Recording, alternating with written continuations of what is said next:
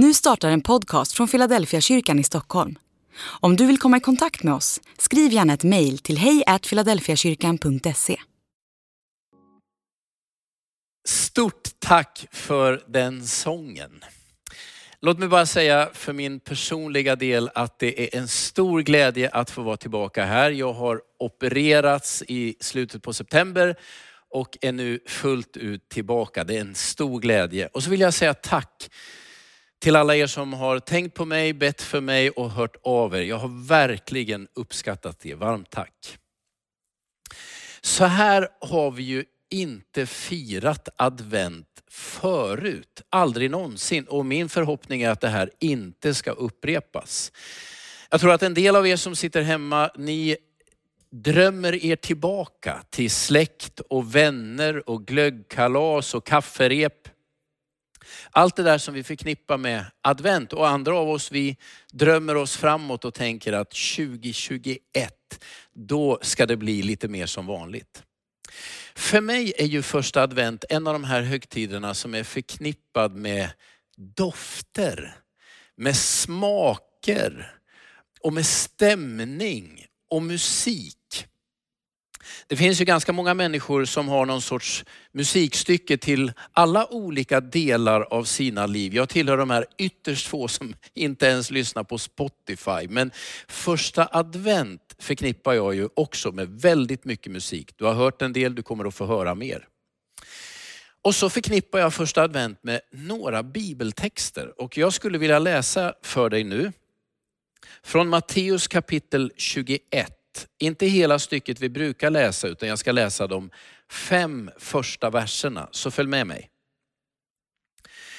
När de närmade sig Jerusalem kom de till Betfage vid Olivberget.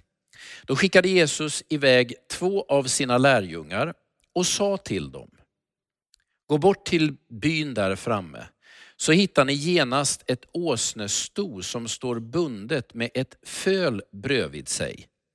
Ta dem och led hit dem. Om någon säger någonting ska ni svara, Herren behöver dem, men han ska strax skicka tillbaka dem. Detta hände för att det som sagts genom profeten skulle uppfyllas. Säg till dotter Sion, se din konung kommer till dig, ödmjuk och ridande på en åsna, och på ett föl, ett lastdjurs föl. Det finns några geografiska platser som återkommer runt första advent och i adventstexterna. Det är naturligtvis Jerusalem, det är Betfage, men så är det ju det här namnet Sion. Säg till dotter Sion, din konung kommer till dig. Och om det där sjunger vi ju också i, i en hel del av adventssångerna. Och min fråga som jag ska tala lite om idag det är, vad är det för plats? Och vad är det man möjligen ska förknippa med det där ordet, platsen Sion? Jag gjorde så faktiskt att jag googlade, hamnade på Wikipedia. Här kommer en liten lista på Wikipedia som är, handlar just om ordet Sion. Sion, det är en kulle i Jerusalem, en symbol för judar och kristna. 823 meter över havet, alltså inte jättehögt. Det jag också ska tillägga är att Sion var ju den kulle eller det berg i Jerusalem där man byggde templet. Alltså Sion är platsen där man tillber Gud. Men sen fortsätter Wikipedia. Sionism, en politisk rörelse från slutet av 1800-talet med målet att ge judarna ett eget land. Sionförsamlingen i Linköping, en pingstförsamling i Linköping. Församlingen Sion i Flen, en församling i Flen kopplad till trosrörelsen. Gå Sion din konung att möta, en adventssång. FC Sion, en fotbollsklubb i Sion i Schweiz. Sion, människornas sista fäste i filmen Matrix. Från alla möjliga olika håll i, i världen så kommer det här namnet Sion tillbaka. Om du rent geografiskt googlar på namnet Sion så kommer du hitta det på en massa platser runt om i världen. Men ursprunget är den där kullen eller det där berget i Jerusalem där templet låg. Och låt mig nu bara påminna dig om det jag just läste i den här adventstexten. Säg till dotter Sion, din kung kommer till dig. Bara för att du ska få liksom lite mer förståelse över alla de förhoppningar, förväntningar och drömmar som man förknippade med Sion, liksom jag ju förknippar dofter, musik och smaker och ljud med första advent. För att du ska förstå lite av de kopplingarna ska du nu få lyssna till tre texter från Jesaja. Och här kommer den första texten från Jesaja kapitel 2. Den dag ska komma då berget med Herrens tempel står där orubbligt fast, högst av bergen, överst bland höjderna. Alla folk ska strömma dit, folkslag i mängd ska komma och de ska säga, låt oss gå upp till Herrens berg, till Jakobs Guds tempel. Han ska lära oss sina vägar, hans stigar vill vi följa. Ty från Sion ska lag förkunnas, från Jerusalem Herrens ord. Han ska döma mellan folken, skipa rätt bland alla folkslag. De ska smida om sina svärd till plogbillar och sina spjut till vingårdsknivar. Folken ska inte lyfta svärd mot varandra och aldrig mer övas för krig. Det här är den första texten från Jesaja som handlar om berget Sion, platsen för Herrens tempel. Det är alltså en verklig plats med, med den, den mötesplats mellan himmel och jord där rätt tillbedjan sker. Här finns den första visionen av Sion.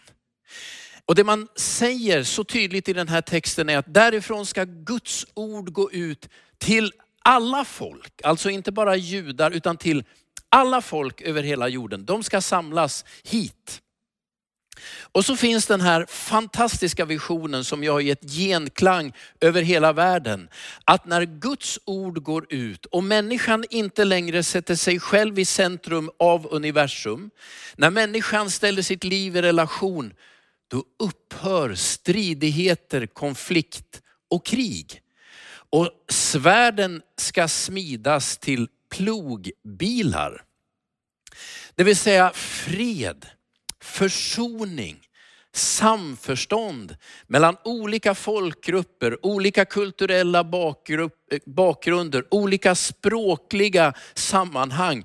En stor fred och i centrum för den här rörelsen finns berget Sion. En fantastisk vision. Men sen fortsätter Jesaja, detta var kapitel 2. I Jesaja kapitel 11 kommer den nästa text som talar om berget Sion. Lyssna. En gren ska växa ur Jishais avhuggna stam. Skott ska skjuta upp ur hans rot. Han är fylld av Herrens ande, vishetens och insiktens ande, klokhetens och kraftens ande, kunskapens och gudsfruktans ande. Han dömer inte efter skenet, skipar inte rätt efter rykten. Rättvist dömer han de svaga, med oväld skipar han rätt åt de fattiga i landet. Hans ord är en käpp på våldsmännens rygg. De ondas liv blåses ut av hans tal. Rättvisan är hans bälte, troheten bär han kring livet. Då ska vargen bo med lammet, panten ligga vid killingens sida. Kalv och lejon går i bet och en liten pojke vallar dem.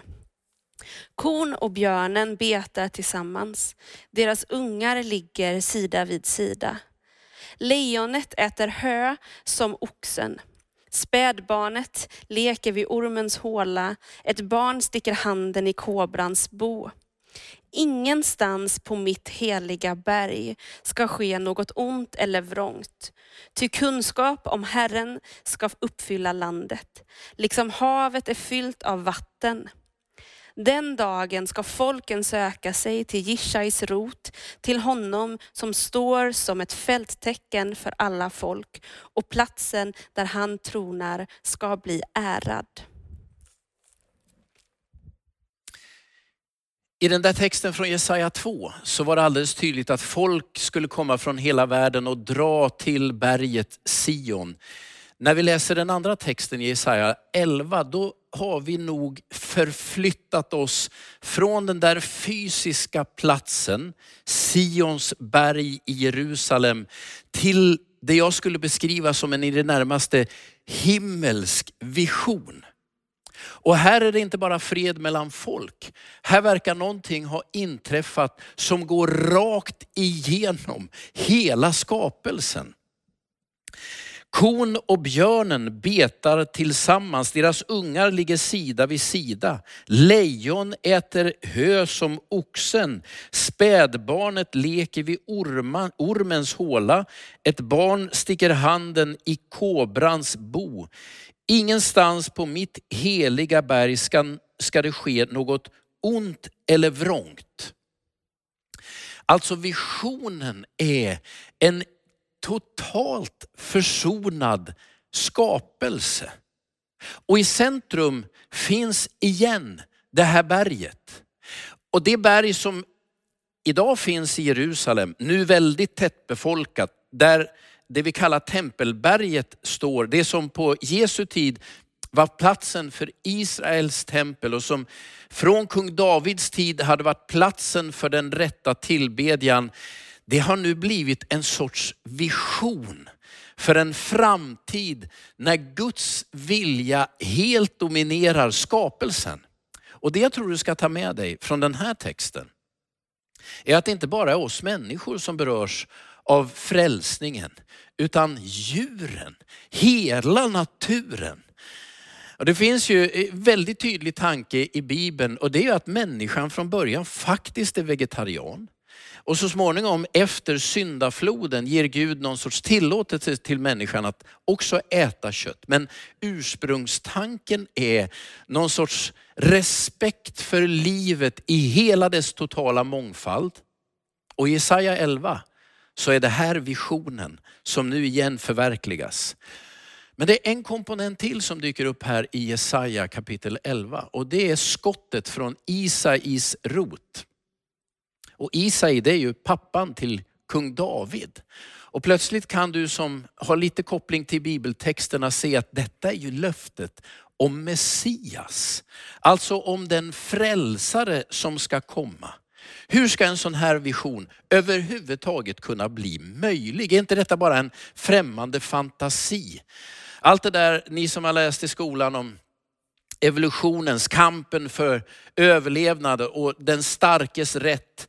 Det verkar helt bortsopat. Här är fred och försoning genom alla nivåer i hela skapelsen.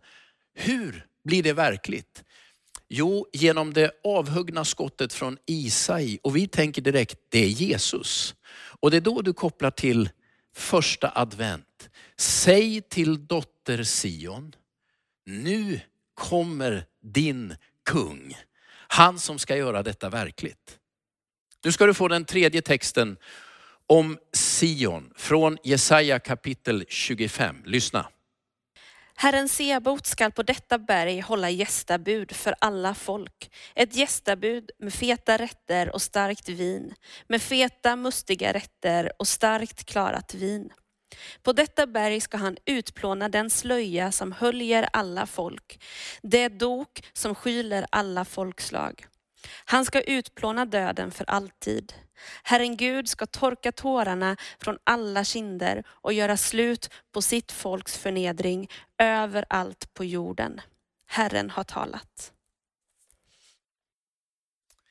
Detta var den tredje av Jesajas texter om Sion, berget och förhoppningarna kopplade till den här platsen. Och det han säger här det är att här ska ingen någonsin mer gå hungrig. Alla ska bli mättade. Ingen nöd ska finnas längre. Döden ska inte skilja oss åt. Här ska festen pågå utan avbrott. De här tre texterna, när svärden smids om till plogbillar, när björnen och kon går sida vid sida, när lejon och lamm ligger sida vid sida, där alla folk blir mättade och döden till sist är övervunnen. Alla de här texterna vävs tillsammans runt platsen Sion. Där templet stod, där människan vände sig bort från sig själv och sitt hjärta emot Gud. Och tanken är att när vi människor vänder vårt hjärta och vår tillbedjan till kungen av Sion, då är det som om vi bereder vägen för detta rike. Vi har ännu inte sett det fullt ut, men det är i antågande. Vad är det vi firar första advent? Vad är det vi sjunger om på första advent? Åt vilket håll pekar profettexterna som vi citerar första advent? Jo, Jesus är kungen av Sion. Och även om vi lever långt bort ifrån de tankarna och vi känner igen namnet, så har jag bara velat väcka hos dig alla de förhoppningar och förväntningar som fanns hos människorna runt Jesus. När de hörde de här profetorden, när de talade om Sion och när de förstod att Jesus inte bara är kung, han är kungen av Sion. Så vad händer när du öppnar ditt hjärta för Jesus? Jo, när han får plats och när du vänder ditt hjärta lite grann bort från dig själv och i tillbedjan till Gud med någon sorts förhoppning om att Jesus också ska rida in i ditt liv och dina omständigheter. Det är ju att stridigheterna avtar, konflikterna sjunker undan. Allt vi har bråkat om, det är inte lika viktigt längre. Svärden smids till plogbilar. Men jag tror också att en sorts nyvaknat ansvar för skapelser och för djuren skulle kunna växa. Jag tänker ibland att en andefylld kristen är alltid djurvän. Så är jag ju för sig hundägare själv. Men jag tror ändå att vårt ansvar för skapelsen ligger hos Jesus själv. Och så till sist, det som fortfarande väntar på att fullbordas. Nämligen att döden ska utplånas, den stora festen ska braka loss. Ingen ska någonsin mer gå hungrig. Allt detta sjunger vi om, hoppas vi på, drömmer om. För Jesus är kungen av Sion.